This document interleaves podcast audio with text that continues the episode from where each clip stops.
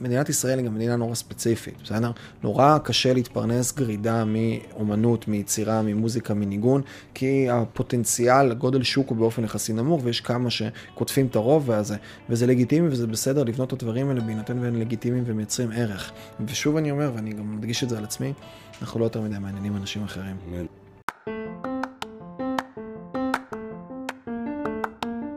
Premium Music Teacher Mindset, הפודקאסט הראשון בעולם שמוקדש כולו למורים למוזיקה שרוצים להתפתח לעסק פרימיום. איתי, עידו לדרמן. אמנים הם גם over רגישים למה שהקולגות אה, חושבים עליהם, ועוד פעם, אני לוקח שנייה את הבעלי עסקים עם, בתפיסת האומן, אוקיי? בעלי עסקים בתחום המוזיקה עם תפיסת האומן, בסדר? מאוד רגישים למה הקולגות אומרים, אוקיי? אז מורים למוזיקה, למשל, שהם גם מוזיקאים מופיעים, יש את החשש הזה שאם אני מלמד או עושה דברים שלא קשורים למותג במה שלי, אז יגידו עליי שאולי אני לא מצליח מספיק כ, כ, כאומן, או, או אני לא מספיק טוב כאומן, וזה יפגע בסיכוי שלי להצליח. אז מה היית אומר למישהו שחושב ככה, ומה היית מציע לו לעשות? איך חיים את הדואליות הזאת? אחד, לפעמים יש בזה אמת, mm-hmm. אני חייב להגיד. יש עניין של ניהול... בוא נדבר על מקרים שבהם אין בזה אמת. אז אני, במילה יש לפעמים ניהול של אה, ניהול מותג, mm-hmm. בסדר? אם אני סטטיק ובן אל, mm-hmm. או אני נטע ברזילי, או אני עומר אדם, mm-hmm. כנראה שלא יהיה לי נכון ברוב המקרים לקחת מישהו שנמצא כמה לבלים מתחתיי ולהוציא איתו שיר. כי ברמת הפרסטיש כלפי חוץ זה לא נתפס כנכון, וזה מראה איזושהי דרדור. אני דווקא חושב על, על חבר'ה של, שנמצאים בעלייה, אוקיי? הם רוצים להיות סטטיק ובן אל או נטע ברזילי, השמות שאמרת, אבל הם, עדיין לא, ובדרך, צריכים להתפרנס, רוצים להתפרנס. אני אגיד לך את האמת. האם זה יפגע? אין סיכוי להיות סטטיק ובן אל ונטע...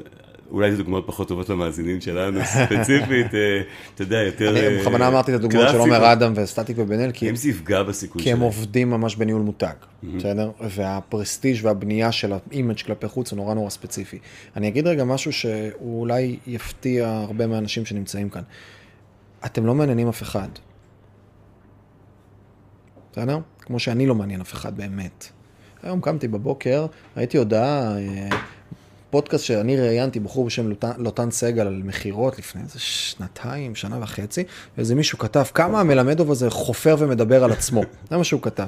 ראיתי את זה, אם הייתי מקבל את זה לפני שלוש שנים, ארבע שנים, זה עוד היה עושה לי איזה משהו. היום, מי אתה, מי אני, אני לא מעניין אף אחד, כולנו הולכים למות. ברמה הפרספקטיבה הספציפית הזאת זה כל כך סטטיסט קטן, אני מייצר ערך לכל כך הרבה אנשים אחרים ואנשים מקבלים מזה, אז מישהו בא ואמר, ובדרך כלל גם אלה עם הבעייתיים הם הרועשים.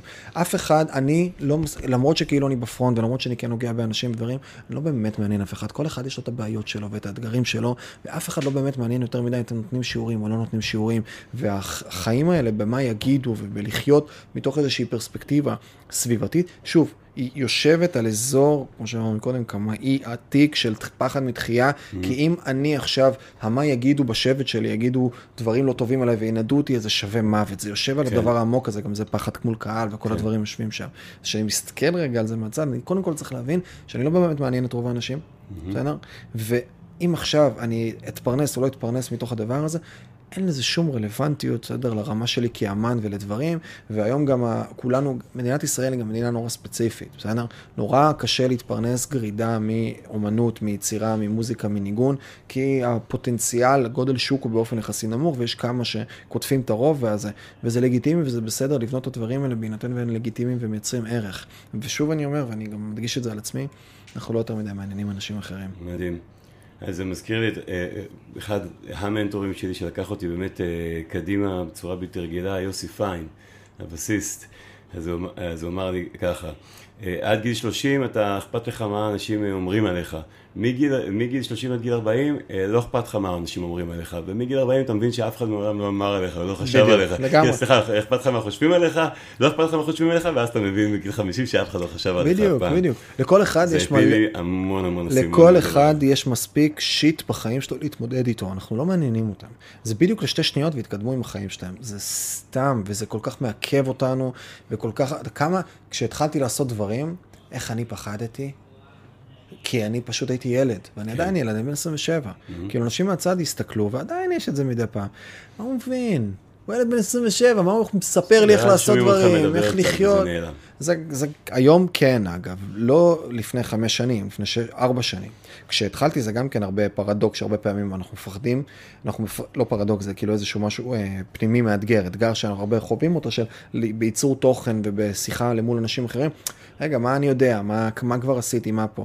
בגיל 22-3 ממש היה לי את זה, הייתי בתוך סינדרום מתחזה לחלוטין בהקשר הזה. היום כבר קצת פחות, כי כבר יש טיפה יותר, יותר טראק רקורד ודברים שעשיתי, אבל אז זה גמר אותי, מה יגידו הזה, ואיך הוא בכלל מרשה לעצמו לעשות דברים. הפתרון שלי והמזור שלי לזה, אגב, היה, ואגב, עד היום זה הנרטיב, כן? אני לא, יש לי הרבה שיחות על לא זה. לא מעניין אף אחד. גם, אבל אני גם לא מנטור. Mm-hmm. אמרת גורו בהתחלה, זה עשה לי חלחלה. אני לא... קראתי את זה, קראתי עליך כמה כתבות לפני זה, כדי, לא, זה יובל, לראות לא, איך אנשים... אה, ממש לא. אז ה, ה, ה, אני תופס את עצמי כתלמיד וסטודנט שמשתף בדרך שלו. זאת הגישה, ולכן בגלל זה השיעורים שלא למדתי בבית ספר. זה פודקאסט, והייתה לי פינה אחת לשבוע, שזאת פינה ש...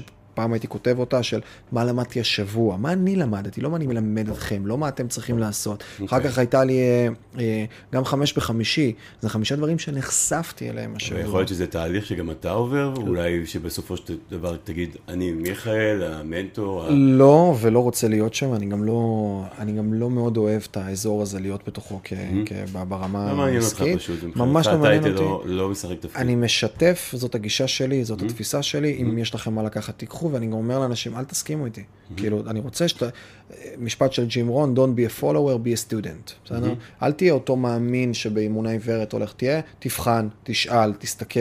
ואני כל הזמן אומר, גם מה שעכשיו אתם מקשיבים, חלק נכון למי שמקשיב, וחלק mm-hmm. לא. גם ככל שמתבגרים בחיים וצוברים ניסיון, ושוב, ניסיון זה לא עניין של גיל, ניסיון זה עניין של ניסיון, ותובנות, וניתוח ודברים, mm-hmm. גם מבינים שאלה דברים הם לא שחור ולבן. יש משהו אחד שעובד לי היום ולא יעבוד לי מחר, ויש משהו אחד שמתאים לזה ולא מתאים לזה, ולוקח לפעמים זמן לבוא ולעכל את הדברים האלה.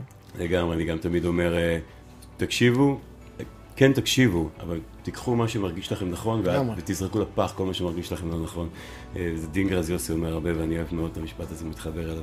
אה, אוקיי, עכשיו, המון בעלי עסקים בתחום המוזיקה, ואני באמת עובד, עובד מולם המון זמן, זאת אומרת, כבר, כבר אני לא יודע להגיד כמה זמן, 10, 12, 13 שנה שאני עובד עם בעלי עסקים בתחום המוזיקה ועוזר להם.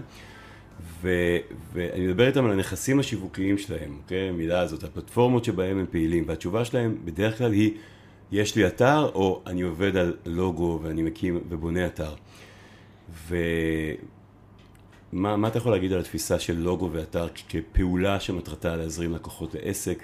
מה, מה התפיסה, לדעתי המוטעית, כאילו ממה התפיסה הזו נובעת ואיך נוצר המיתוס הזה לדעתך? אם אהבתם את הטיפ הזה ומעניין אתכם לקבל עוד טיפים כאלה באופן שוטף, אז אני מזמין אתכם להצטרף לקבוצת הוואטסאפ השקטה שפתחתי למורים למוזיקה, PMT Community, הלינק יופיע לכם כאן, מתחת לסרטון. שם תוכלו לקבל באופן שוטף עוד טיפים ועוד ידע שיעזור לכם להגדיל את כמות התלמידים, להגדיל את הרווחים, את ההכנסות בעסק, לייצר יציבות וודאות לאורך זמן.